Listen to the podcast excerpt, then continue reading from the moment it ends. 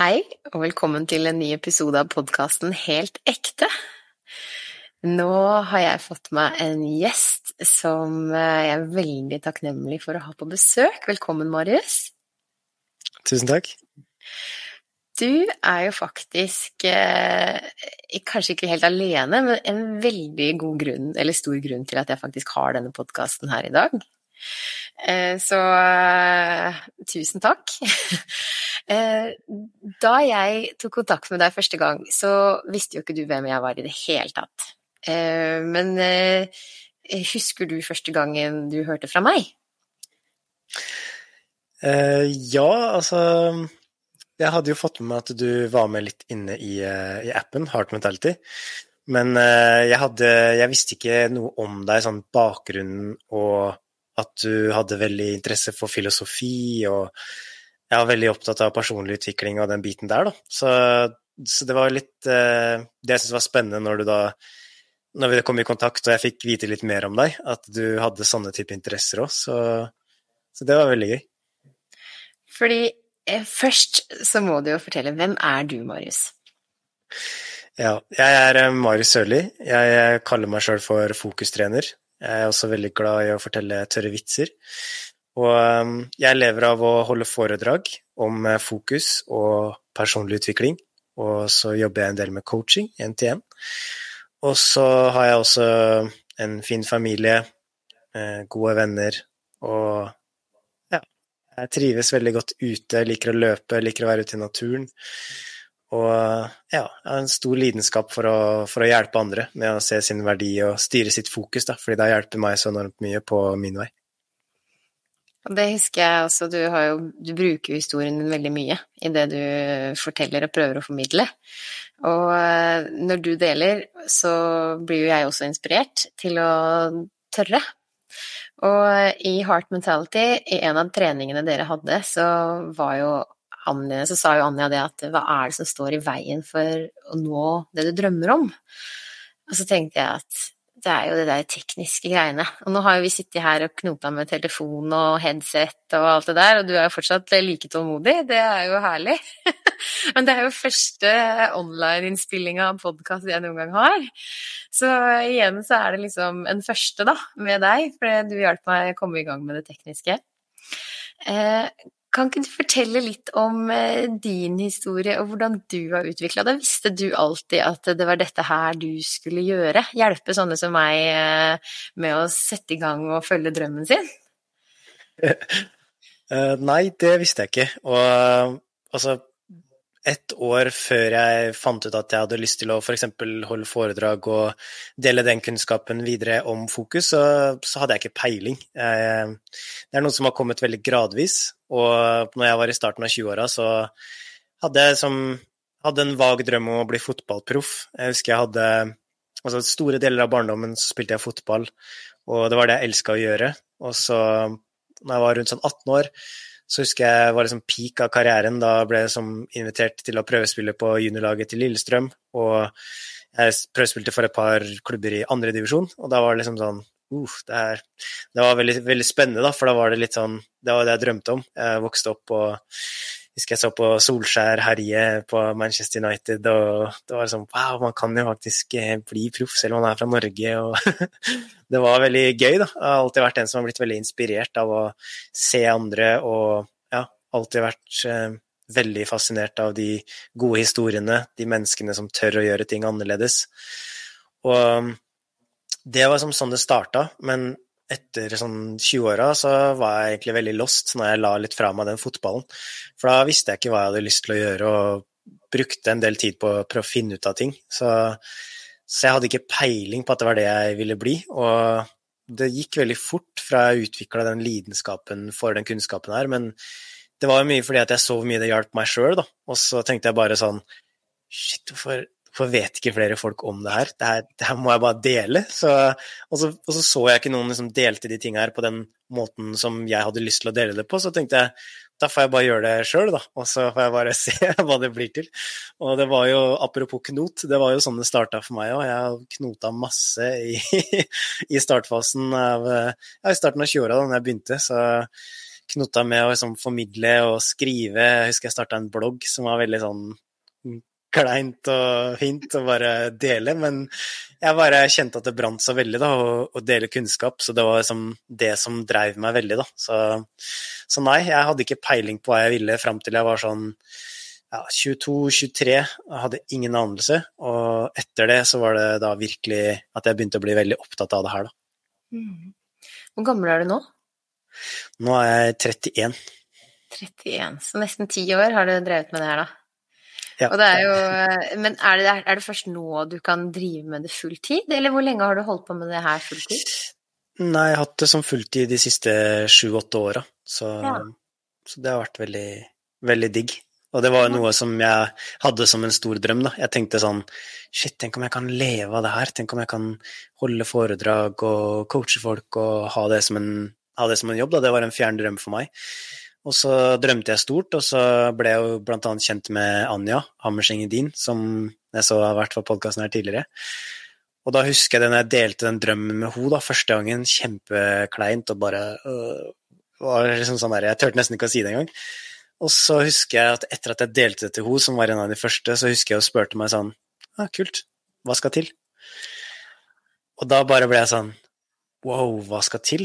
Eh, og da virkelig begynte jeg å kjøre hodet mitt på ja, men hvis jeg hadde visst litt mer om hvordan, og funnet litt sånn mennesker som gjør det, og lært om de tingene, så, så kan det jo skje. Akkurat nå har jeg ikke peiling på hvordan, men det spørsmålet der ga meg veldig sånn fuel da, til å bli nysgjerrig på ja, hva skal faktisk til for å få det til. Så, så det var sånn det starta for meg. Jeg ble veldig fascinert av at det er mulig å skape muligheter sjøl, og hvis du vil få noe til å skje i livet ditt, så er det dessverre ingen som kommer på døra di og sier 'her har du mulighetene dine', og 'her har du den billetten', eller 'her har du den jobben'. Altså, vi trenger å jobbe litt for å skape ting sjøl, da. Og det var det som jeg så på som en veldig kul challenge. At ja, men hva hvis det var mulig, da? Hva, hva hadde du gjort? Hvem hadde du oppsøkt? Hva, hva, hva, slags valg hadde du tatt? Og hva skjer hvis du begynner å utforske det? Så det var sånn det starta for meg, at jeg hadde ikke peiling, men så hadde jeg en sånn gnist på wow, det hadde vært fantastisk, og så utforska jeg den gnisten. Og så førte det til at jeg tok nye valg. Men allerede da så hadde du lyst til å formidle mental trening? Eller ja. var det det du ja. hadde lyst til å formidle? Og likevel så ble du litt sånn inspirert av å prate med Anja der hun spurte deg spørsmål, så da var du tydeligvis ikke helt utlært heller på mentaltrening før du satte i gang å formidle. Er det sånn hvordan eh, Hva kommer først, høna eller egget? Er det Ja, det er et veldig, veldig godt spørsmål. Altså, det som kom først, det var jo eh, masse motgang, egentlig. Jeg, I starten av 20-åra så Altså, jeg var jo han som alltid gikk rundt og smilte og lata som at alt var greit. Men inni meg så sleit jeg med veldig høye forventninger, og klarte liksom aldri å se det jeg gjorde bra. Jeg klarte liksom ikke å se det, da. Og det er derfor jeg brenner så mye for å fortelle om den kameralinsa da, som vi alle har. At uh, det vi putter inn i kameralinsa, det er det vi ser, det er det vi føler, og nok ganger som du putter noe inn i kameralinsa di, så begynner du å tro på det. Og sånn som jeg, da, var jo sånn jeg elska å spille fotball, og hadde masse gode venner, fantastisk familie og alle de tinga her, men jeg klarte ikke å se det. Jeg var veldig mye bedre til å se hva er det jeg mangler, um, hva må jeg ha mer av. Jeg var liksom Jeg var veldig sjelden fornøyd, da. Og det var jo da jeg som Etter at jeg hadde den krasjen, og jeg krasja etter en fest og var som, som lyn fra klar himmel og fikk masse konsekvenser. Jeg havna i fengsel, jeg følte jeg skuffa alle rundt meg. Skuffa Jeg har småsøsken som jeg hadde lyst til å være forbilde for. Jeg er veldig glad i mammaen min og hadde så lyst til at hun skulle være stolt av sønnen sin. Og jeg følte liksom at jeg hadde at jeg skuffa alle, og at jeg gjorde liksom noe av det verste som kunne skje. Da. Og det var i den perioden der som jeg for første gang tenkte at jeg trengte hjelp da, til å håndtere tankene mine, fordi at det eneste jeg putta i min kameralinse, var det som hadde skjedd, det som var dritt, det jeg ikke fikk til, hvor mislykka jeg var, og jeg sammenligna meg med andre, og det tok meg ingen steder. Og det var da jeg for første gang begynte å oppsøke hjelp, da, og tenke på hva, hva kan jeg gjøre med det røret som jeg har oppi her, jeg hadde ikke peiling. Og det var jo der jeg begynte å utforske da, og finne ut at det, det er faktisk ting du kan gjøre, også når du har det tøft. da. Og det jeg ble utfordra på, det var jo å tenke annerledes, og ikke grave meg ned fordi at jeg hadde gjort en feil men jeg følte at jeg var en feil fordi jeg hadde gjort en feil. Så jeg dro liksom det som en identitet, da, at jeg var en mislykka person, og jeg fikk ikke til noen ting, og scrolla på sosiale medier, og vennene mine levde livet sitt og gikk på skoler og fikk seg kule jobber og sånne ting, og så følte jeg at eh, jeg sto bare på vent da, med alt, og måtte ta et år, jobbe, flytte inn med storesøstera mi. Ja, det var liksom Alt gikk ikke etter planen i starten av 20-åra for min del, så Så det var jo det som eh, jeg ser på det tilbake i etterkant, det var jo kanskje det jeg ble velsigna med. Det var jo akkurat det, at eh, ting ikke gikk etter planen. Jeg fikk masse motgang, det gikk ikke sånn som forventa, og jeg var pukka nødt da, til å lære meg strategier og finne ut av hvordan jeg kunne håndtere ting. Og det var der jeg begynte å lære om fokuset mitt, at jeg har et fokus, og at jeg fram til det tidspunktet der hadde vært topptrent i å tenke på som, ja, hva, hva, er dritt, hva er det jeg ikke har, og den dumme feilen jeg sa, alle de tinga der, det var det jeg hadde sett, da. Og da skjønte jeg det at det, eh, som er så genialt, syns jeg, da, med en metafor og en kameralinse, det er at det du ser er krystallklart, men det er også mange ting som er blurry rundt, da. Så det er ikke sånn at du bare er feila dine, fordi det er jo bare 50% av historien. Altså, du har også de gode sidene dine, eh, og så er det kanskje ikke like Kanskje det er litt kleint å innrømme det, at du også har styrker og gode sider, men eh, det er også en del av bildet. For det er ikke sånn at det blir borte bare fordi du ikke ser det. Så det er der hele tida. Og det var det jeg skjønte, at oi, shit, jeg har jo bare fokusert på feilene mine, og det har tatt meg hit, og jeg er egentlig ikke så fornøyd. Jeg, jeg, jeg tør liksom ikke å si noe i sosiale settinger, jeg tør ikke å ha egne meninger, jeg tør ikke å være helt ekte, da. Så, så det var det som trigga en sånn lyst til å ville lære meg å gjøre ting annerledes òg, da. Og jeg husker jeg ble utfordra av det på liksom, du kan ligge her og så synd på deg sjøl og fortsette i det mønsteret her. Hvis det hjelper, så kjør på. Men hvis ikke, så vit at du også kan tenke på hva du lærer, hva du kan gjøre annerledes. Ja, vi, hva annet kan du ha fokus på, da? Ok, nå ser du dette, men hva annet er det i den situasjonen her som også kan være bra, da? Og det så jeg jo ikke med en gang, men noe som gradvis ble mulig med trening. Jeg er veldig nysgjerrig på hvor det kommer fra, med deg da, som har en fin familie, høres det ut som, og gjort det bra i fotball, og sikkert hatt selvtillit på det. Og det er jo ikke bare deg heller, for jeg leste jo i Aftenposten, eh, om det var forrige helg, eh, at ungdom, de de ser rundt seg i klasserommet og er livredd for å mene noe andre ikke mener, og ikke tør å si det de står for, eh, i frykt for å skille seg ut. Og det blir jo tydeligvis bare verre. Eh, hva tror du er grunnen til at det er sånn? Hvor tror du at den siden i deg som eh, gjorde at du fokuserte på den, på den mangel, manglene du hadde, da, kontra det at vi ikke lærer å se hva vi har? Jeg tror mye av det handler om sånn som samfunnet vårt er designa nå, da. Altså vi er veldig eksponert, vi er veldig tilgjengelig. Vi bruker veldig mye tid på f.eks. sosiale medier som er designa for at du skal legge ut ting som trenger en respons, for hvis ikke så drukner det, og så, så, så får du ikke noen respons. Uh, så det er mye samfunnsdesign, uh, at vi, vi er mye mer eksponert for bekreftelser, mye mer enn før.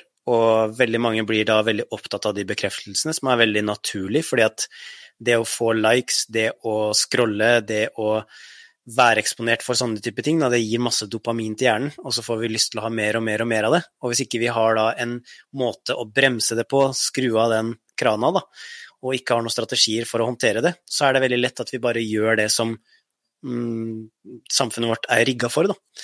Og det er jo mange som, som peker på det her med at ja, men vi er, er, så distrahert og vi klarer ikke å holde fokus lenger og kortere fokus enn gullfisk og liksom Det er masse sånne greier.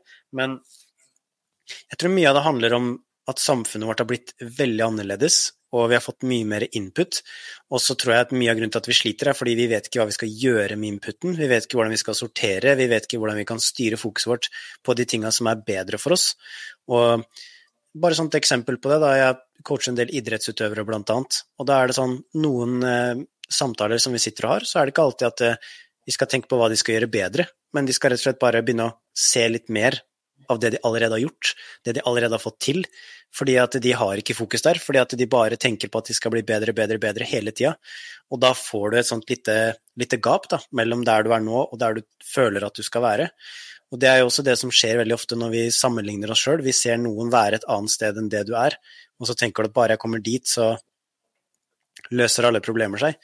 Men jeg tror at det er mye ligger der, da, at vi har ikke trent på å ja, legge merke til hva har jeg nå som er bra, hva er det jeg har som er mine styrker, og hvordan kan jeg ja, gjøre mer av de tinga som jeg vil. Da. Jeg tror at det er så vanskelig nå på grunn av at, ja, som du sa, da, det er så vanskelig å mene noe, for tenk hva de andre sier. Og skal jeg være en som skiller meg ut i mengden? Jeg har helst ikke lyst til det. Og hvis ikke du blir utfordra på det heller, så tror jeg også det er veldig lett å bare fortsette i de samme gamle mønstra, da. Så, så jeg tror at mye av det handler om at vi har fått et samfunn som er annerledes nå.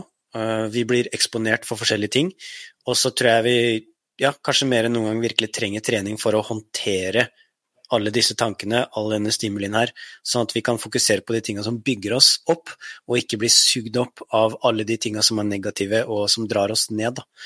Og, og, det er i hvert fall min erfaring òg, at veldig mange bare de lærer seg strategier, teknikker for å tenke annerledes, bare bli utfordra litt på fokuset sitt, så er det helt utrolig hvor mye de kan vokse, hvor mye de kan ta inn og gjøre ting annerledes bare fordi at de får ny kunnskap. Da. Og det er også en sånn sitat som jeg syns er veldig spennende, det er at eh, informasjon forandrer situasjon. Og noen ganger så trenger vi bare å få litt ny kunnskap, og så ser vi den samme situasjonen. F.eks. at noen lykkes med et eller annet, da, så blir du skikkelig sjalu og åh, hvorfor lykkes du, liksom? Men er det noe som er bra for deg? At du blir sjalu på det? Hva om du heller ble inspirert, da? Ja, men hva er det som ligger bak det der? Og så får du en mer realistisk framstilling av det, fordi at det er veldig få som bare plopper ut av magen, og så bare har de svara, og så har de ferdighetene. Det, det, er en grunn til at vi blir født med svært hode og liten kropp. Det er for at vi skal vokse. Vi, skal, vi, vi, vi, er uferdige når vi kommer ut, og så skal vi formes, og så skal vi lære når vi vokser opp.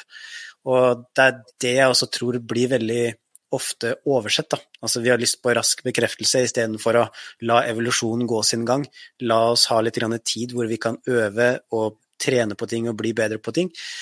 Um, og så tror jeg også det har mye å si med det her med å Altså, jeg tenker sånn Jeg har sleit mye med sosiale settinger når jeg var uh, yngre.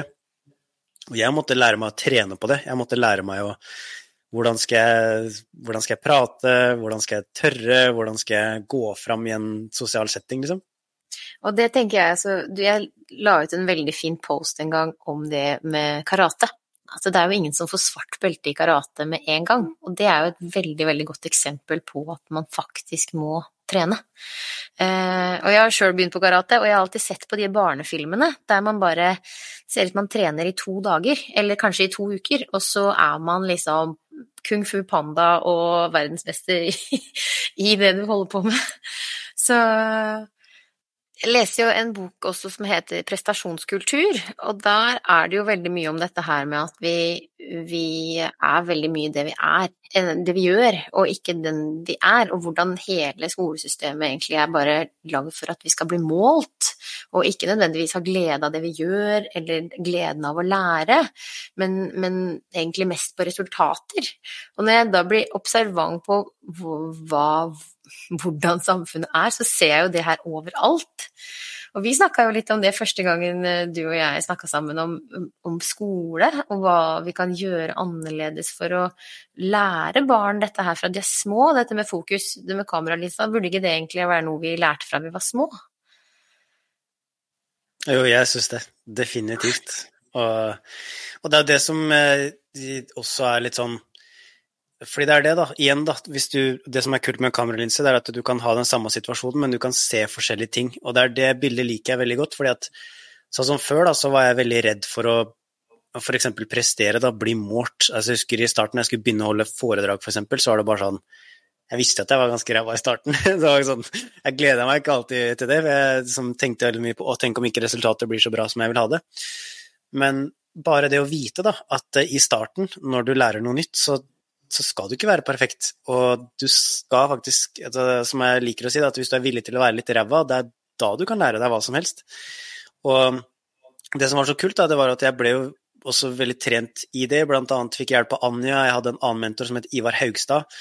Og jeg ba de komme på foredrag og se på meg, og så gi meg tilbakemeldinger, da. Ehm, noen positive ting, og så noe jeg kan forbedre da, til hver gang. Og da hadde jeg jo den samme situasjonen. Jeg skulle stå på en scene og formidle. Jeg syntes det var ubehagelig. Eh, tidligere så var jeg veldig fokusert på resultater, nå må jeg bevise at jeg kan, og jeg håper de liker meg, jeg tenkte mye på konsekvenser og sånne ting. Men fordi at jeg skjønte at det her, nå skal jeg trene, nå skal jeg lære, nå skal jeg utvikle meg, så skal jeg rett og slett få en mulighet nå til å teste meg sjøl, hvordan er nivået mitt, og så ser jeg hvordan det går, og så kan jeg finne små ting å lære, justere, finne noen gode ting også, for det er veldig viktig å reflektere over de positive tinga og de tinga man lykkes med også. Og så skal jeg lære, og så finner jeg noen små ting til neste gang. Og det her er bare en sånn deilig måte å kunne senke skuldrene og tenke at det, hvis du hele tida jager det resultatet, og du tenker at det er det som er det viktigste, så blir det veldig strevsomt, fordi at da handler alt om det. Men hvis du tenker på ja, men hva hvis det er en mulighet for å lære, for å utvikle meg, til å kanskje forstå noe nytt, eller utfordre meg sjøl på noe som jeg kanskje ikke utfordra meg sjøl på før, så, så, får du en helt annen anledning til å, til å vokse, da. Som jeg syns er uh, veldig viktig. Mm. Og eh, jeg tenker jo på det der du sa med vennene dine også, med, med det der å vokse i vennskap. Og det med å, å være den blide personen som prøver å, å, å please alle andre, er det også det du har gjort ved å smile og være innafor med folk? Og snakke om det du tror folk liker, i forhold til hva du egentlig liker sjøl? Er det litt sånn som du har vært også? Ja, altså jeg valgte jo skole som uh, vennene mine helt opp til uh, høyskole, liksom.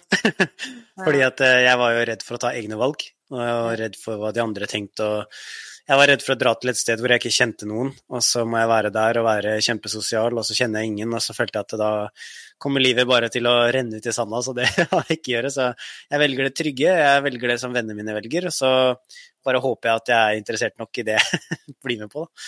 Så, men det var jo rett og slett en maske for min del. Altså jeg Hvis jeg sto og smilte, så er det ingen som spør sånn Du, hvordan går det egentlig med deg, Marius? Det er sånn derre Det går fint. Det er sånn Det var liksom min go to, da. Og da, da, skjønte jeg det veldig fort, at hvis jeg bare smiler og later som at alt er greit, så, så, så er det ingen som spør hvordan jeg egentlig har det. Og jeg vil ikke snakke om følelsene mine. Altså, jeg, jeg visste jo egentlig ikke at jeg kjempa den kampen på innsida, da, fordi altså, jeg hadde det jo fint også. Altså, altså jeg, hadde, jeg, har masse gode minner fra eh, venner og turer og opplevelser og fotballbanen og så mye fint, da. Og, og, det var ikke sånn at jeg var deprimert eller sånn type ting, men jeg hadde bare så mye høye forventninger, da, som ingen andre egentlig hadde satt på meg, men det var veldig ofte at jeg satt de sjøl, da. At jeg ville være perfekt, jeg ville være god på fotballbanen, jeg ville være god på skolen, selv om jeg ikke alltid jobba så mye for det. Så bare der så skjønner man jo at det kan bli litt klinsj da, inni den indre verden, når du tenker at ting skal være bra uten at du egentlig har lyst til å gjøre så mye for det, men det er fint hvis det ser bra ut utad. Så, så, jeg hadde veldig et sånt tankesett da, som var veldig sånn låst og ville bevise at jeg var noe, jeg hadde lyst til å ja, jeg hadde liksom lyst til å vise at jeg var noe, da, og at jeg kunne noe. Og at det var veldig lett å få da bekreftelser på ja, hvis du gjorde det bra på fotballbanen eller noe som funka bra på skolen eller sånne ting, så var det sånn ja, da får du en bekreftelse, da. Da vet du i hvert fall at det har vært litt bra. Fordi at det jeg syntes var vanskelig, var hvem er jeg i møte med at det ikke er så bra? Altså hvem er jeg da når jeg ikke scorer, når jeg ikke blir banens beste? Hvem er Marius da? Eh, det var det jeg syntes var krevende, for da følte jeg ikke at jeg var god nok. Og da følte jeg at jeg var mislykka, fordi at jeg ikke hadde prestert godt. Så jeg la jo verdien min da på den prestasjonen, altså på det jeg gjorde. Og da blir det enda mer krevende å mislykkes, fordi da føler du at det går utover hele identiteten din. Det går ikke bare utover det som skjer der og da, men det går liksom utover hele deg, da. Og der får du den der linken igjen mellom at du gjør en feil og du tenker at du er en feil. Den feilen oppleves mye større enn en som skjønner at her er jeg, og det jeg gjorde, det var en feil, det kan jeg gjøre annerledes. Da skaper du det skillet mellom den du er og det som skjer. Og da blir det også enklere å håndtere ting som ikke går etter planen. Det er enklere å feile når du skjønner at feil er ikke verdens verste ting, men det er en del av å være menneske. Det er en del av en læringsprosess. Og, og det ser du også i idretten, sånn som LeBron James er en av de mest kjente basketballspillerne i verden. Han sier at Feil er for meg indikasjonen på at jeg prøver. Fordi at hvis jeg ikke feiler, så pusher jeg jo ikke grensene mine. Så jeg vet at hvis ikke jeg feiler, så holder jeg meg veldig tett i komfortsona mi. Og da er det ikke sikkert at jeg utfordrer meg når nye nivåer, da, fordi at da, da spiller jeg safe. Da gjør jeg bare det jeg kan. Og, og det er jo et sånt perspektiv som jeg syns er så deilig å tenke på, da. At ja, men hva om det er en del av gamet? Hva om det, det som å starte en podkast, en del av gamet der, er å knote med teknikken. Det er å spille inn en episode, og så glemmer du å trykke rekk, og så altså det, det, er en del av gamet, men istedenfor å tenke at man er mislykka fordi det skjer, så kan man heller tenke at du, det er en del av gamet. Så det er veldig mange som har gjort det, og nå gjorde jeg det. Og jeg kan fortsette nå å grave meg sjøl ned og tenke på hvor dumt det var. Ellers kan jeg tenke, vet du hva, jeg har med en ekstra opptaker neste gang, eller jeg, jeg gjør det annerledes neste gang, så lærer jeg. Så, så det er den der, da. Jeg har et eksempel på det her som jeg tenkte å ta opp med podkasten i dag. Fordi eh, jeg hadde gleda meg så til å ha med Anja i eh, podkast. Og jeg var så fornøyd med praten. Men jeg visste at den mikrofonen vi hadde, det, var, det ble ikke helt som planlagt. Så jeg var litt usikker på lyden, og lyden blei skikkelig ræva. Og jeg var så skuffa. I går så var jeg sånn der, jeg hørte på den, jeg var sånn derre jeg visste at innholdet var så bra, jeg hadde gleda meg til det møtet og den praten. Og så blir resultatet sånn at du vet liksom, den lyden er jo ganske mye av det. Jeg har blitt ganske sær på det etter hvert, for nå begynner lyden å bli ganske bra. Jeg har en god tekniker som hjelper meg og sånn. Og han var liksom 'Hva skjedde her?' Og jeg bare 'Nei, fader', liksom. Og da, sånn som du sier, at det, ja, det definerer ikke Det er ikke det som definerer utfallet av at folk skjønner hva denne podkasten handler om i all fremtid. Og det er ikke den ene episoden som er det viktigste av alt. Det er liksom alt på veien. Og, og, da må jeg bare lære av det her. Og det jeg kan lære også, er at jeg må bare akseptere at lyden blei dårlig. Og så må jeg bare slippe det, og så må jeg gå videre. og så må jeg sørge for at hva kan jeg gjøre for at uh, det her ikke skal skje igjen? Hva kan jeg gjøre for å forberede meg enda bedre, sånn at jeg skal få bedre lyd, og ikke brenne meg ut på å bekymre meg over lyd. Så nå skal jeg snart avslutte denne sesongen og vente til at vi får nytt studio i januar. Og da planlegger jeg heller den sesongen sånn skikkelig. Yes. Ja, men ikke sant?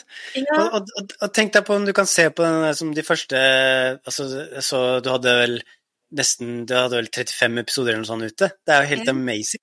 Men det er jo sånn podkaster starter. De starter med Altså, jeg sier ikke at du har dårlige episoder, men at det er lavere kvalitet på de første episodene enn nummer 135. Det er jo veldig naturlig.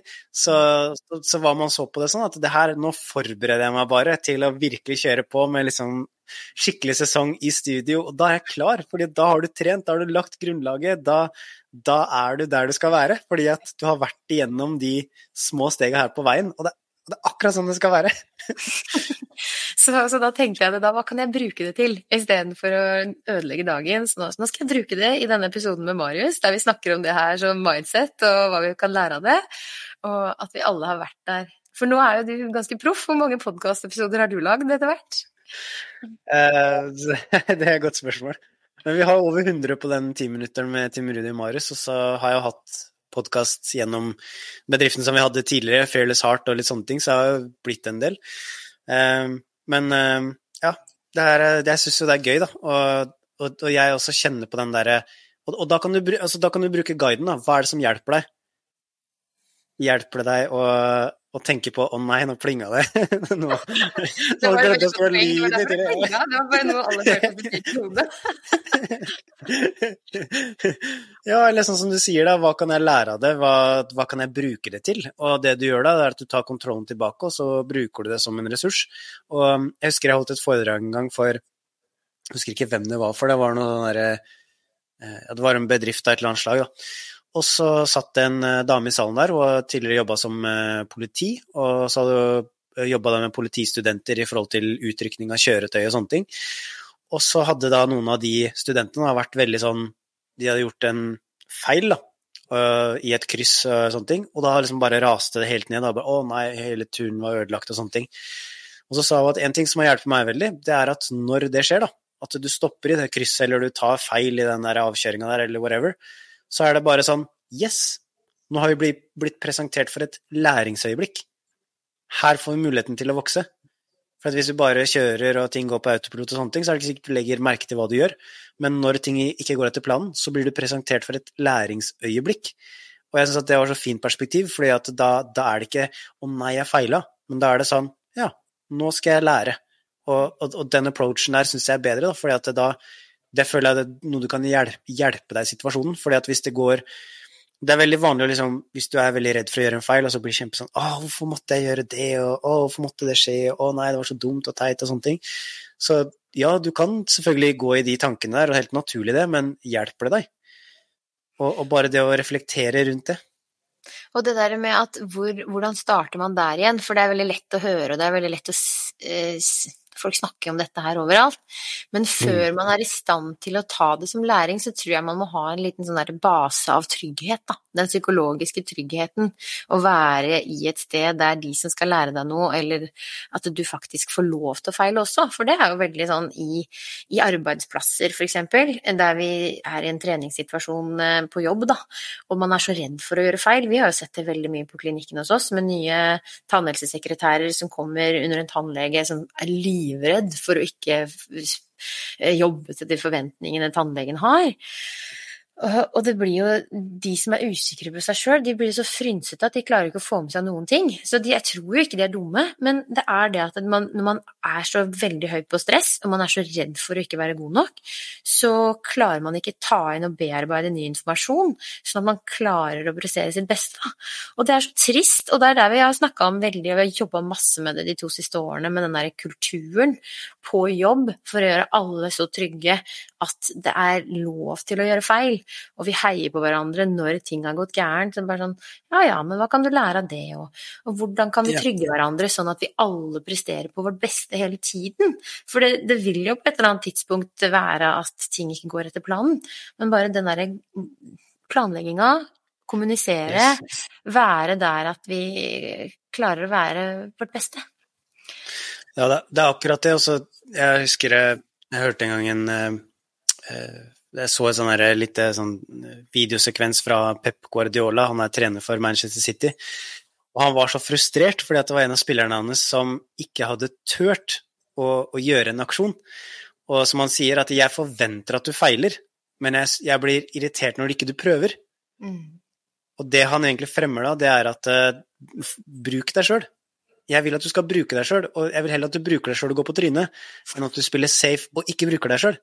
Og, og, det perspektivet syns jeg er så fint, da. Og, og, og, han er jo trener for en av verdens største fotballag, og det, og det, det tror jeg gjør at han får ut mer av potensialet til de som er der. Og nå ler jeg, for jeg er ikke interessert i fotball, men jeg begynte å se på Backcams, den nye serien på Netflix.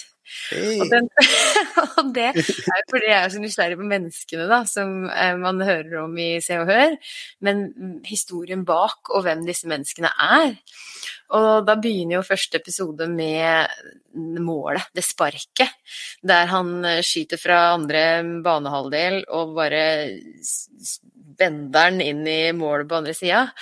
Og, og det er så gøy, fordi sånn som jeg har sett eh, David Beckham, så blir jo han fremstilt som kanskje mindre intelligent. Men han bare lever så utrolig i nuet, og da han var der, så bare sånn Ja, hvorfor ikke? og så bare gjorde han det. Han er en sånn skikkelig doer. Og da han tjente penger, liksom bare sånn Ja, penger, ja. Ja, jeg kjøpe meg noe fett, da? og så bare sånn derre er sånn superenkelt, samtidig så han er ganske smart òg. For han så jo det at uh, fotballspillere blir jo pensjonert i tidlig alder. Så det å bruke det han har når han har det, og liksom ta vare på seg sjøl, da, istedenfor å følge alle reglene til han derre Ferguson, som uh, jeg, han derre manageren het. og, så, og så ser jeg at han ikke blei en sånn der eh, minion av eh, en sånn spiller som bare alltid gjør det rette. Men han turte å, å gjøre det han følte at vet du hva, det her er riktig for meg.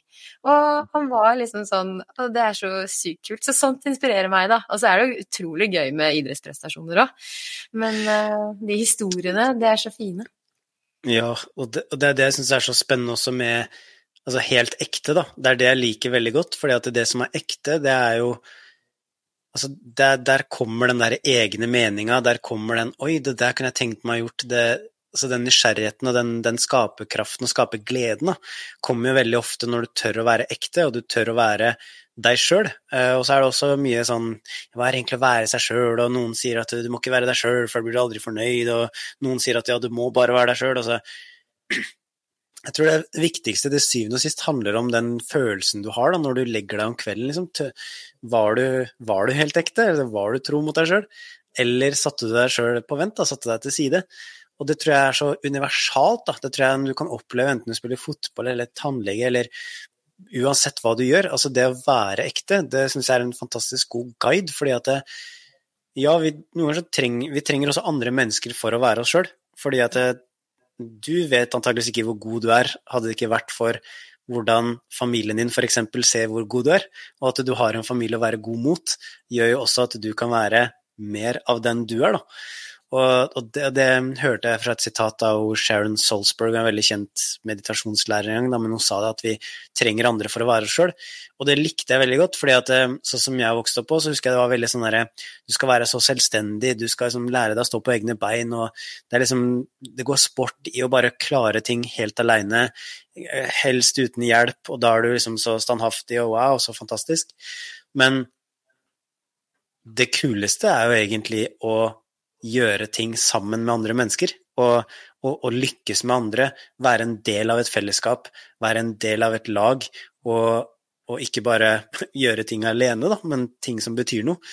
Og jeg vet ikke om du har eh, sett på den uh, Arnold Schwarzenegger-serien på Netflix?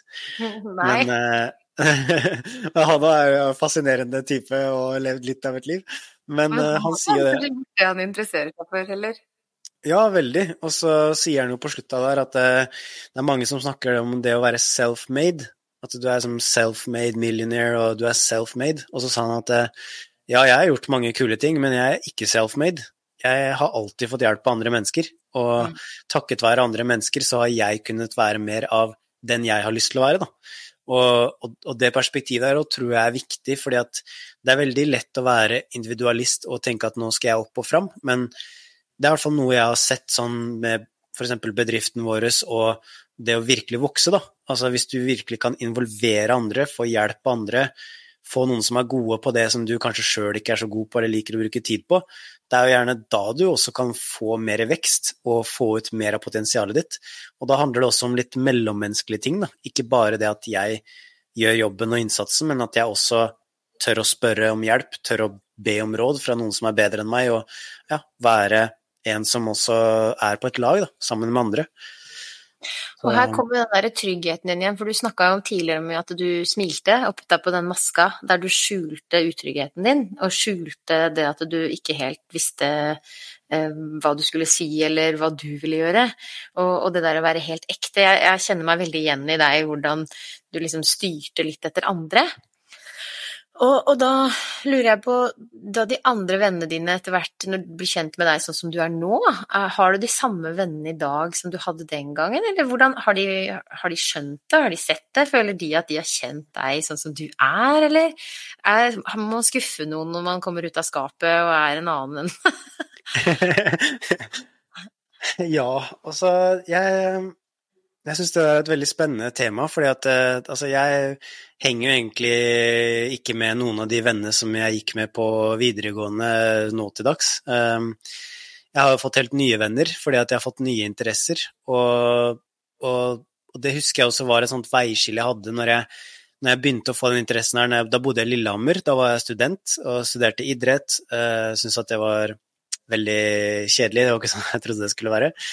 Men eh, da husker jeg at jeg fikk jo mer og mer interesse for det som var ekte for meg, da. Og som da var å snakke om fokus, personlig utvikling, lære andre å få det bedre med seg sjøl, bygge mental styrke. Og det var det jo ingen av de andre som brydde seg om. Så det var litt sånn, når jeg snakka om de tinga der, eller delte noe med det, så var det bare sånn eh, Ok, greit, så fint for deg, liksom, men skal du være med og spille Fifa, eller? Uh, og så merka jeg jo etter hvert, så fikk jeg jo så mye interesse for det at jeg noen ganger så hadde jeg lyst til å sitte på rommet og studere foredragsholdere og lese om psykologi og hjernen istedenfor å dra ut og feste, liksom. Og da begynte jeg å tenke sånn Herregud, hva er det som skjer med meg nå, liksom? Det, er jo, det her er jo ikke likt meg. Altså, for det første, si nei til å dra ut på byen og feste. Bare det i seg sjøl var en sånn barriere for meg, da. Uh, det å si nei til å spille Fifa, for eksempel, fordi det var det jeg alltid gjorde og brukte tida mi på, det syns jeg var krevende. Det var en av de testene som jeg virkelig måtte gjennom for å ja, virkelig gå inn i det nye. Da. Jeg sier ikke at du skal si nei til alt, men tørre å lytte, da, og tørre å være ærlig med deg sjøl. Og det var egentlig det jeg begynte med, å forstå verdiene. og at det, For det er litt sånn det er med skolen, da blir vi jo satt med folk. Da er de på en måte forhåndsbestemt, da. Og så ser jeg at de vennene jeg har fått etter at jeg som fylte 22-23 år og begynte å dra på andre typer studier og sånne ting, og fulgte mine egne interesser i større grad, så fikk jeg jo flere venner som var mer lik mine verdier og like mine interesser basert på det jeg eh, representerte, da. Så, så, så, jeg har jo som venner som jeg, som jeg liker å som, løpe med. Jeg har venner som jeg liker å eh, nerde med om personlig utvikling. Jeg har venner som jeg isbader med. Altså, jeg har, jeg har som ulike venner til ulike deler av livet mitt, da.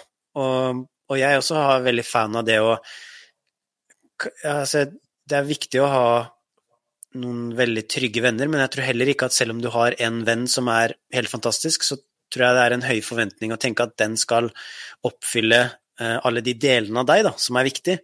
Um, så jeg tror det er viktig å liksom, ha ulike venner i ulike settinger, da, kanskje med ulike interesser også, at det er veldig sunt. Fordi det gjør at du kanskje kan berike mer av den du er. Da. Og sånn som Jeg kan ta et eksempel med jeg hadde en venn som jeg drev og trente med en del ganger. Vi drev, trente sånn kroppsvekttrening og sånn, og så syntes han det var gøy, og syntes jeg det var gøy, og så avtaltes vi å møtes og sånne ting. Og så, Da hadde jeg flytta til Larvik da, for eh, noen år tilbake. Og så i helgene og sånn, så likte jo han å dra ut og feste og sånn. Mens jeg, jeg syns ikke det er så gøy. Jeg kan gå fint ta meg fest i ny og ne, liksom. Jeg syns det er kjempegøy i lystig lag, men det er ikke sånn jeg har lyst til å gjøre hver helg, liksom. Og da kjente jeg det, at hvis jeg da hadde følt på den forventningen om at jeg må være med ut og feste hvis jeg skal henge med han, så hadde det vært veldig krevende å vært vennen hans, for da hadde jeg følt at jeg måtte gjøre noe som jeg egentlig ikke ville. Men da merka jeg at hvis vi kunne trene sammen, men eh, ikke feste sammen, så fungerte vi mye bedre. fordi at da følte jeg at vi kunne møtes på der vi hadde noe til felles. Da. Eh, og det, det, ja, det er i hvert fall min opplevelse, da. At når du kan ha ulike venner som tilfredsstiller ulike behov, så er det gjerne lettere å ja, kanskje føle at du også får kontakt med forskjellige deler av deg. Da. Sånn som jeg er veldig god venn med Anja og Gro, f.eks. Og de er helt fantastiske mennesker. Eh, men de er ikke så glad i å dra på fjellturer, f.eks. Men jeg elsker fjellturer. Og, for meg da, hvis jeg bare skal henge med de og, og, ikke få vært på fjellet, så vil jeg ha det bra når jeg er sammen med de, men jeg ville ikke følt at jeg hadde liksom fått den kontakten med naturen som jeg egentlig ikke vil ha. Og, og, der har jeg andre venner som elsker å dra ut i naturen, som vi kan dra på lange løpeturer, eller um, Jeg har en kjæreste blant annet som er veldig glad i å være ute i naturen, og virkelig hjalp meg tilbake igjen i det elementet der, da, når jeg ble kjent med henne. og liksom, Første gangen vi møttes, så satt vi oss liksom, og så på soloppgangen med sånn, stormkjøkken og jeg bare merka det, at det her er så lenge siden jeg har gjort. da, Og så kjente jeg bare satt der og bare, det bare rant uh, tårer av glede, fordi at jeg husker hvor mye det betydde for meg da jeg var liten. da. Mm. Og da fikk jeg igjen den kontakten som, som voksen, da, uh, takket være at jeg da fikk et nytt bekjentskap og ble kjent med henne. Og da så jeg virkelig hvordan det, at ulike mennesker kan gi oss ulike ting. da. Og, og, og da kjente jeg virkelig på den kraften av å ja, uh, altså feire de ulikhetene vi har også, da, som mennesker. Fordi at pga. at noen har ulike interesser og ulik grad av engasjement for visse ting, da, så, så, kan du ta del i det sånn som det føles bra for deg. Da.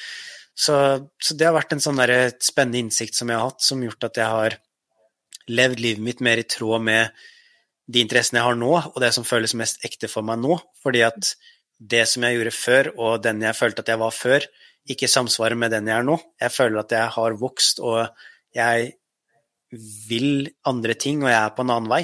Og det betyr ikke at jeg, har noe imot de jeg vokste opp med eller hang sammen med. Altså, når jeg tenker på de nå, så blir jeg glad. Jeg smiler, og jeg tenker bare sånn Jeg er så glad for at jeg har hatt dem i livet mitt, og jeg er så glad for alle de minnene vi har hatt fra fotballen og turer og fester og alt mulig rart.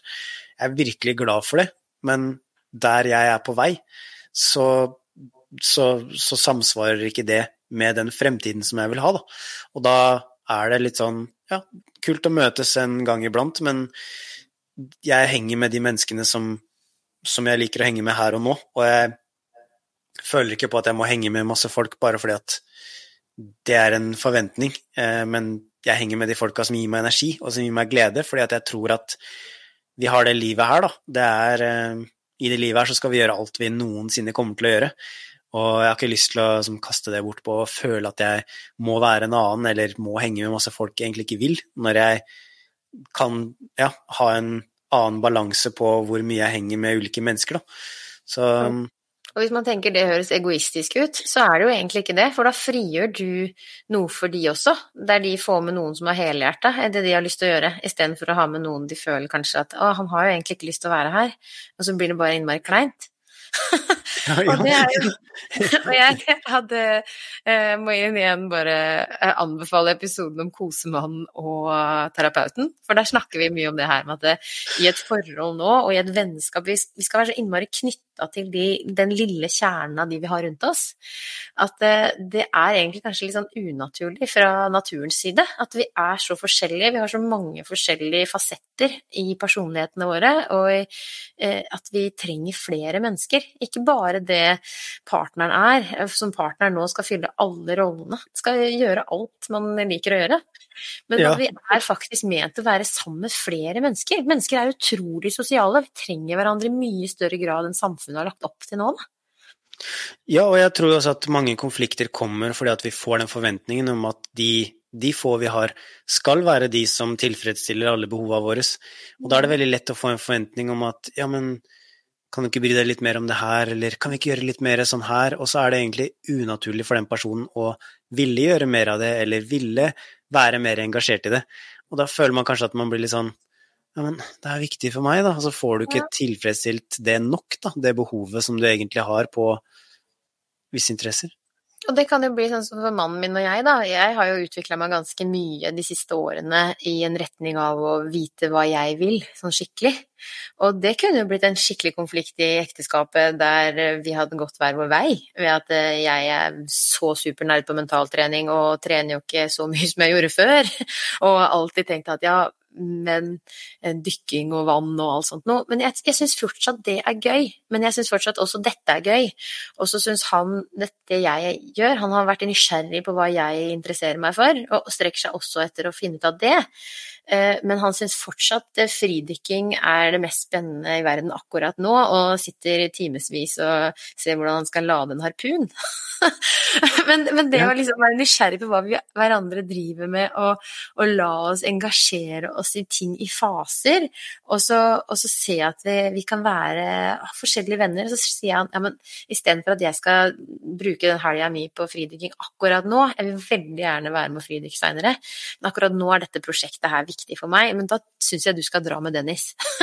og så kan de dra og fridykke, og så kan de kose seg, og så kan jeg kose meg og skrive eller lese eller et eller annet. Yes. Og, og det som er fint der, det er jo at dere er tydelige på behova deres og vet hva dere trenger. Og, og det som kunne vært vanskeligere, er hvis du hadde følt at du måtte vært den samme som du var før, eh, når du har fått de nye interessene du har fått. Fordi at da hadde du ikke vært ekte lenger. Eh, du hadde kanskje vært ekte da, men akkurat nå når du har fått de nye interessene så, så, kjenner du at det er andre ting som, som driver deg, da, og som engasjerer deg. Og jeg tror jo at det er en av de viktigste tingene å ta vare på da, for at vi skal være, føle oss hele som mennesker og, og, ha det skikkelig bra. Og ikke bare legge lokk på ting bare fordi at vi ikke får den responsen eller den støtten eller jeg, jeg tror at det er fint mange ting vi også kan utforske på egen hånd Eh, hvis ikke vi har folk rundt oss som forstår eller liker det. Og det var jo litt sånn det var for min egen del også, at det, det jeg bare Hvor kommer det her fra, liksom? Jeg, jeg, hadde jo ikke lyst til å velge det her. Jeg hadde jo ikke lyst til å dele kunnskap som en jobb eller holde foredrag og sånn, for jeg syntes det var helt forferdelig å holde foredrag på skolen og sånn, men det bare kom som en naturlig greie innenfra, da. Og, og hvis jeg hadde prøvd å legge lokk på det, så tror jeg hadde jeg tror jeg hadde angra veldig mye på valg, da, og på at ikke jeg tok meg mer sjøl på alvor og og det er jo sånne ting som også mennesker ved livets slutt ofte angrer på, da. At ikke de var mer tro mot seg sjøl. Og, og, var så opptatt av alle andre, men de glemte seg sjøl, da. Og det er den der fine balansen mellom å ja, altså egoistisk versus ta vare på seg sjøl, da. Mm. Og det er også det jeg tror ofte blir misforstått, at hvis jeg setter mine behov fram, så betyr det at jeg er egoistisk. Da betyr det at det er bare jeg som skal få mine ting fram, og så bare driter jeg i alle andre. At man får litt den følelsen av at nå, nå pisser jeg på andre fordi at jeg tar vare på meg sjøl. Men jeg tror jo at det er den mest omsorgsfulle tinga vi kan gjøre, er jo å ta vare på oss sjøl, fordi at da blir vi en gladere, vi, blir, vi får mer god energi, vi klarer å være mer ja, av den som vi liker å være, da, også i møte med andre. Så jeg syns jo det å ta vare på seg sjøl, altså det å virkelig gå innover i seg og få realisert mye av det som er inni her, er viktig for at vi kan ja, være de menneskene som vi ønsker å være. og virkelig vokse, da. Og, og jeg tror at Og jeg merker det sjøl, hvis jeg har tatt vare på meg sjøl, jeg har fulgt interessene mine, jeg har, jeg har, virkelig prioritert ting som har vært viktig for meg, så, så smiler jeg mer til de jeg er glad i. Jeg, jeg, klarer å være mer til stede med de jeg er glad i og bryr meg om. Jeg, jeg smiler til fremmede fordi at jeg er så glad, fordi at jeg har valgt å prioritere ting som er viktige for meg. og det er sånn, sånn Når du fyller deg sjøl opp, så, bare, så har du mer å gi til verden. Da. Jeg tror virkelig på det. Og jeg også kommer fra en familie hvor som Mora mi ble henta med ambulansen da jeg var 18 fordi at hun ble utbrent og bare seila om hjemme. Og jeg fikk jo helt sjokk og bare lurte på hva er det som skjer nå, som fikk ikke kontakt med mamma. Og da så jeg sånn hvor mye hun kjempa for at alle andre skulle være fornøyd, og det har vært en av hennes store reiser når hun har blitt eldre nå, da. At hun har ja, flytta til et sted hun ville flytte til, og ja, skilte seg fra et forhold, og nå har hun det ja, bedre enn noen gang, fordi at hun følger mer av sine interesser og fyller seg opp med det som er bra for henne. Og derfor så, så, tror jeg veldig på kraften i det. At eh, altså Før så syntes jeg det var egoistisk å sette seg sjøl først, men nå syns jeg det egentlig er veldig omsorgsfullt å sette seg sjøl først, fordi at du, du, blir en gladere, du blir en tryggere og ja, du blir en bedre versjon av deg sjøl, som kan også gi mer kjærlighet til andre. Det du sier med mødre og det der med å det generasjonstraumet det er når en mamma ikke klarer å ta vare på seg sjøl.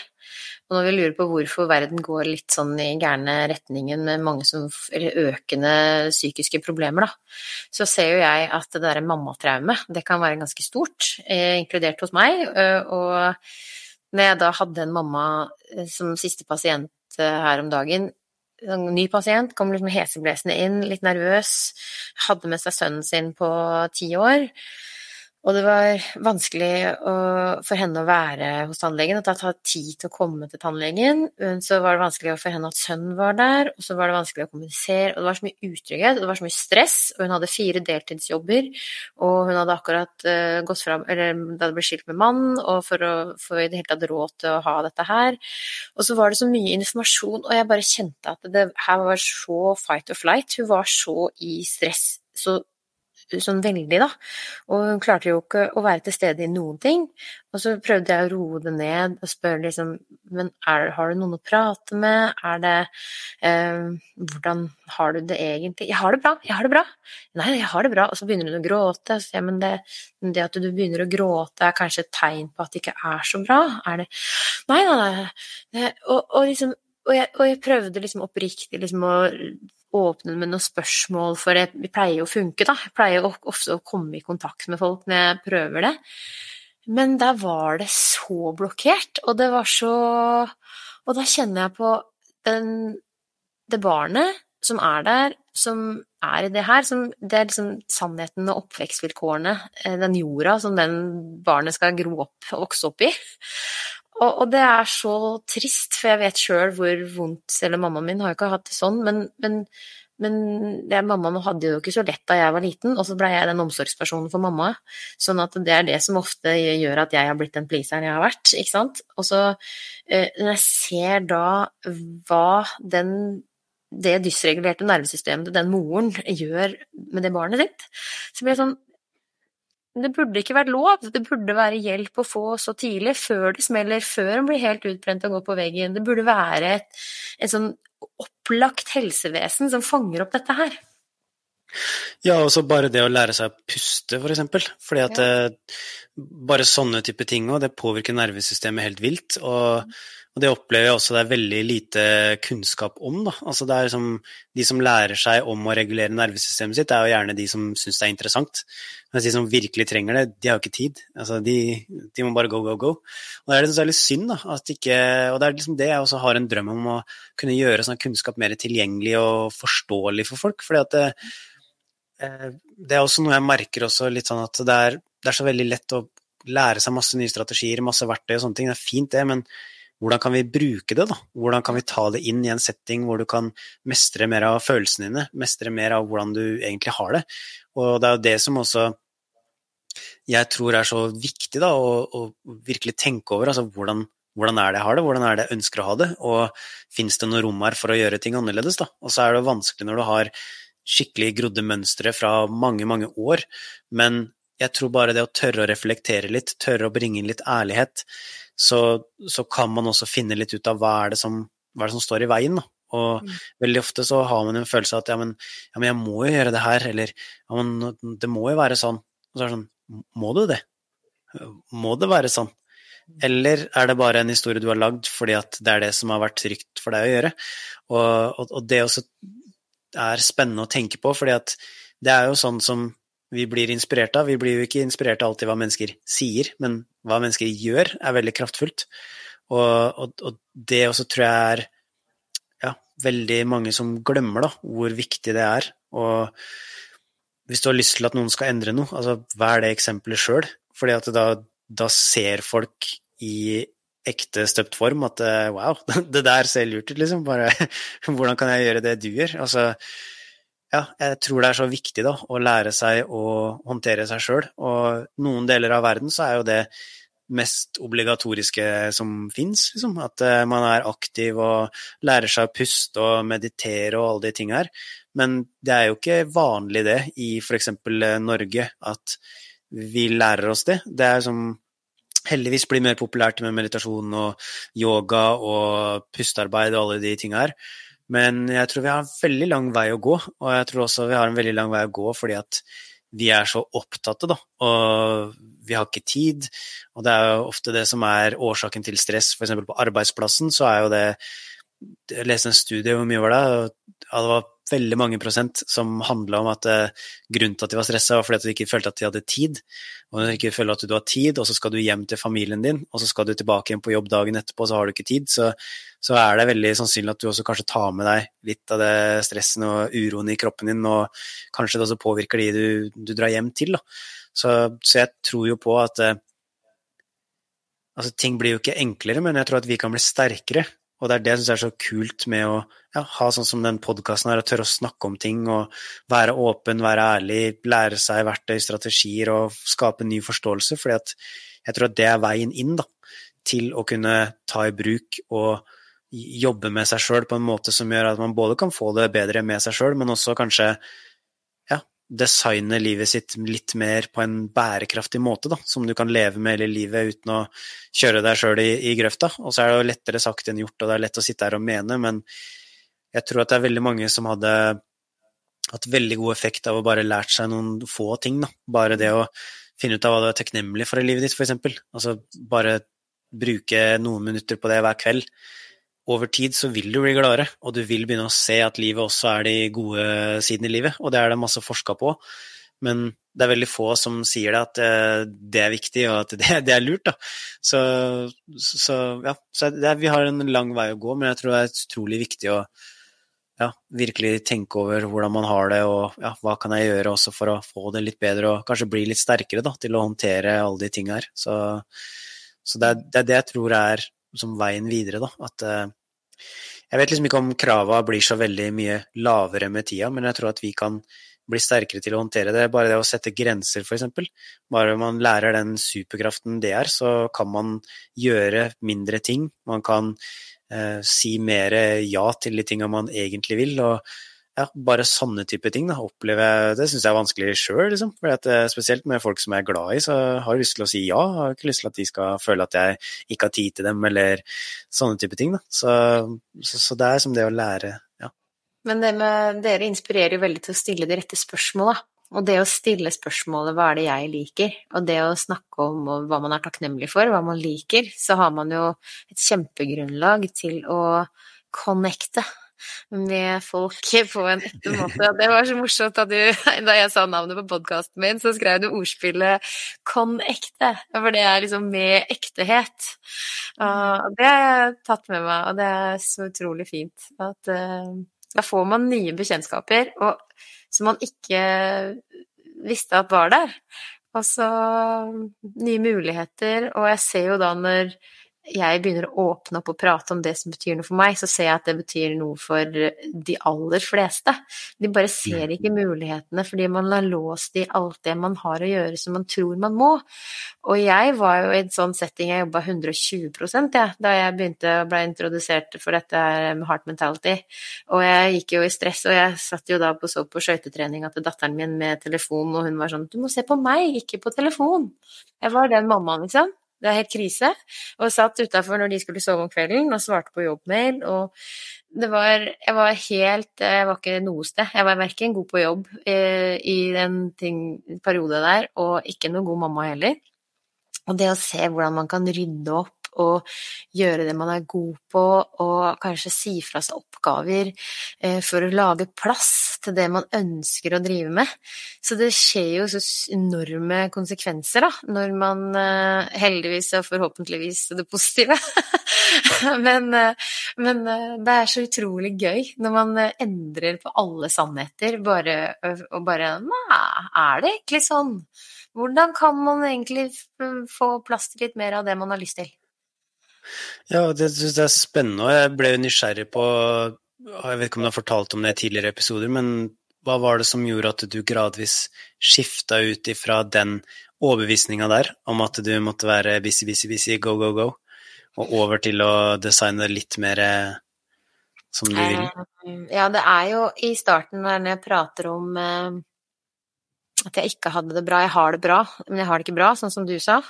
Og så begynner du å grave litt i det, og så husker jeg jo veldig godt at jeg hørte på Jeg satte meg ned. Jeg tok meg litt uh, på et hjemmekontorlag da jeg satt og hørte spiste lunsj, så satte jeg meg ned bare og lytta til en podkast med Anja. For det var jo første gangen jeg egentlig satt og lytta på noe uten å gjøre noen ting.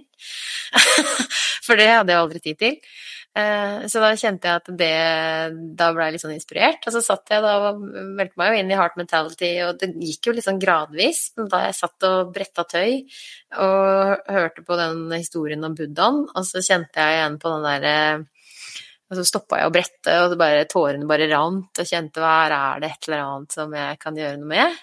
Eh, her jeg, har jeg lagt skjul på det, som, som du sier, av det med å formidle. Jeg er, egentlig, jeg er, egentlig, kreativ. Jeg trodde ikke jeg var kreativ, men jeg kjente at det jeg har vært redd for å belaste andre med min rarhet, det har jeg holdt inni meg. Og, så, og da også når jeg skulle sende melding til deg og spørre om hjelp, så syntes jeg det var så utrolig skummelt. For jeg tenkte at når jeg sendte melding til deg, så så jeg for meg deg med litt sånn åh, slitsomt.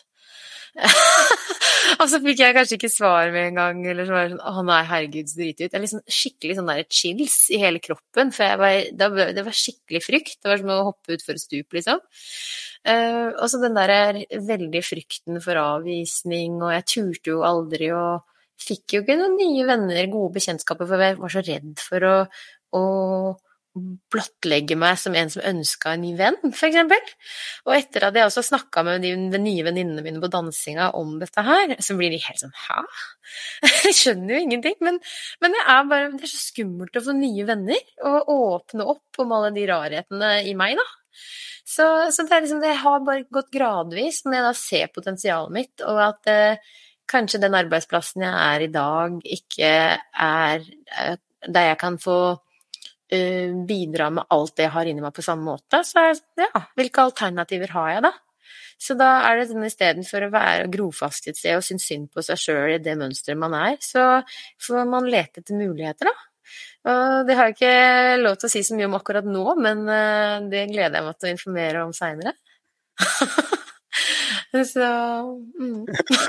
Ja, også, det er så gøy også å høre deg si det, fordi at uh, det er ikke så veldig ofte at jeg får meldinger fra noen som er sånn, vet du hva, jeg, jeg brenner så mye for å formidle, og jeg elsker å snakke med folk, og jeg har bare så utrolig lyst til å starte en eh, podkast, og jeg bare husker jeg kjente wow, deg har jeg virkelig lyst til å hjelpe, fordi at den energien der, da, og den driven der, den, den, den var helt ekte.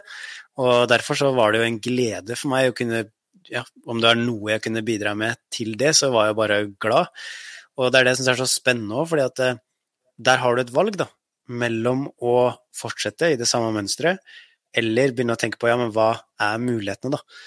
Og det at du, du tør å spørre om hjelp, det gjør jo også at du skaper deg en ny kompetanse på det du enda ikke vet. Og det er det jeg syns er så magisk med at hvis du har et kraftig nok hvorfor, da, så, så finner du hvordan. Så, så, finner du de menneskene fordi at det, du, du, bare føler at du bare, du bare må, liksom, fordi at det betyr så mye. Og jeg tror den kraften og energien du får fra det stedet, er noe av det mest kraftfulle vi har som mennesker, da. Og at vi da begynner å gjøre ting som ikke virker logisk.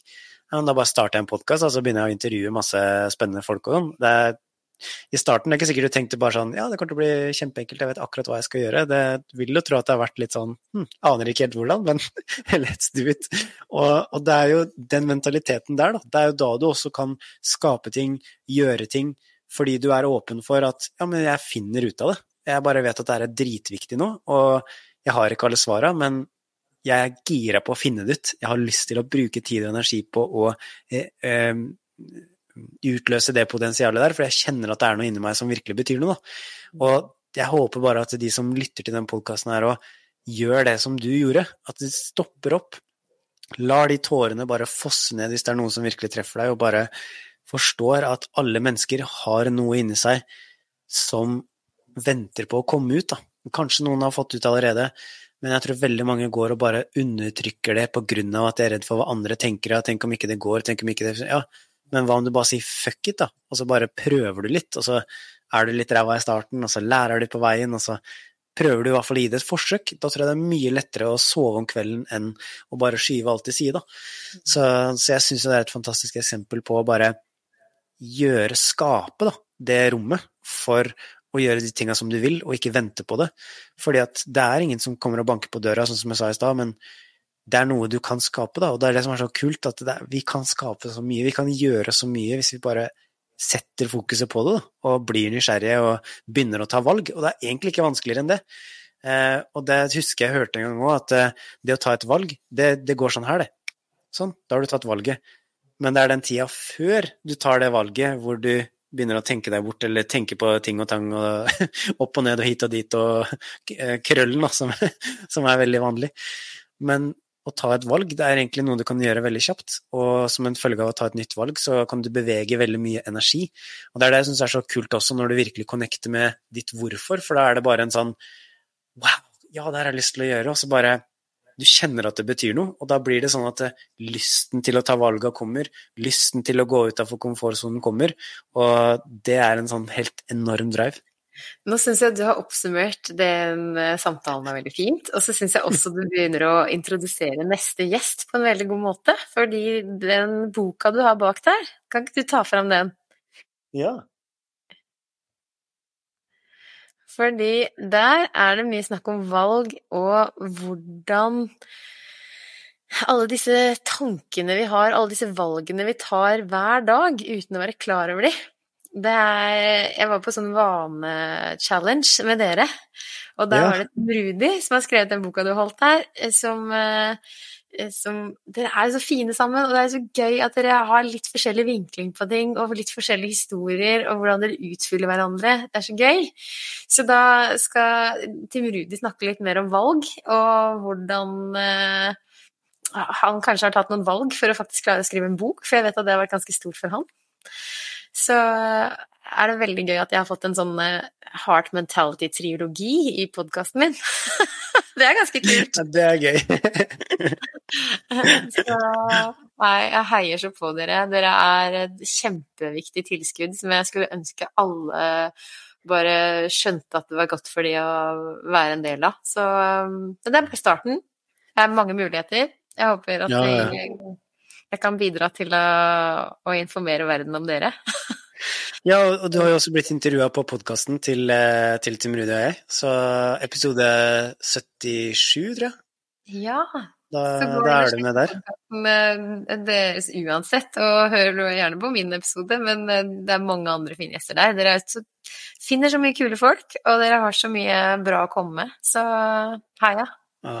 Ja, tusen takk. Det var veldig kult i stad, for da, da huska jeg det at eller jeg, jeg sjekka opp da, sånn, den episoden, og så bare husker jeg sånn det er Jeg vet ikke når det var, jeg, om det var et år siden eller et eller annet sånt, men uh, jeg husker bare det var sånn derre Jeg husker jeg var så spent på hvordan blir det med den podkasten her.